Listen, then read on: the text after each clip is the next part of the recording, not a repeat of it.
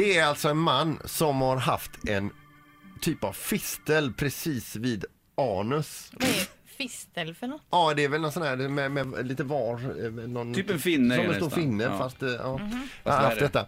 Och då har den danska sjukvården bestämt sig för att eh, vi, man bränner bort. Man, brä- just den här skulle de bränna, bränna. Och för att göra detta så blir han ändå nedsövd och bedövad. I och med att han sitter runt omkring genitalierna eh, eller i närheten utav. Så in, han var ju inte bara nedsövd, han var rakad och det var, hade använts en hel del sjukhus med sprit, spritat genitalierna och hela området runt omkring där. Så att det skulle vara helt bakteriefritt i och med att, ja ni vet ju. Ja men vi fattar, vi, men man är ju extremt nyfiken nu på vad det är som kommer att hända. Då ligger han ju i en sån eh, hemsk ställning, ni kan tänka er själva nedsövd. Och eh, det- fram kommer då den här kirurgen med den här, det är som en lödkolv och ska pssst, bränna bort den här fisten då va. Det här är, det här är sant. Fisten? Fisteln!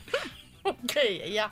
Och då är, då är, då är ju, då, då närmar man sig på de, undre region, eh, de nedre regionerna som är alltså dränkta i sprit och ska bränna av den här fisten. Då fiser han! Och det fattar eld så det blir liksom som ett eldsklot av hans, ja, hans Ja. fis helt enkelt. Som i sin tur sätter eld på, ja ni förstår vad. Alltså hela paketet brinner på honom. Och han känner detta först när han vaknar upp. Att, han, eh, att det svider något fruktansvärt där nere. Alltså han börjar brinna. Fick de ta fram någon typ av brandsläckare då eller? De får kanske lägga en, en, en brandfilt eller en filt över det. Kom vakna bara, lukta bränt. Men de hade lukta liksom- grillat. Alltså det är ju så otroligt sannolikt, det kan inte vara sant. Det är sant! Varför luktar det grillat? Han, han fes och han tog eld. Och då brann dongen på honom. Ett poddtips från Podplay. I fallen jag aldrig glömmer djupdyker Hasse Aro i arbetet bakom några av Sveriges mest uppseendeväckande brottsutredningar.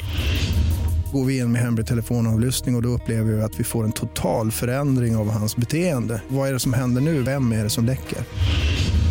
Och så säger han att jag är kriminell, jag har varit kriminell i hela mitt liv men att mörda ett barn, där går min gräns.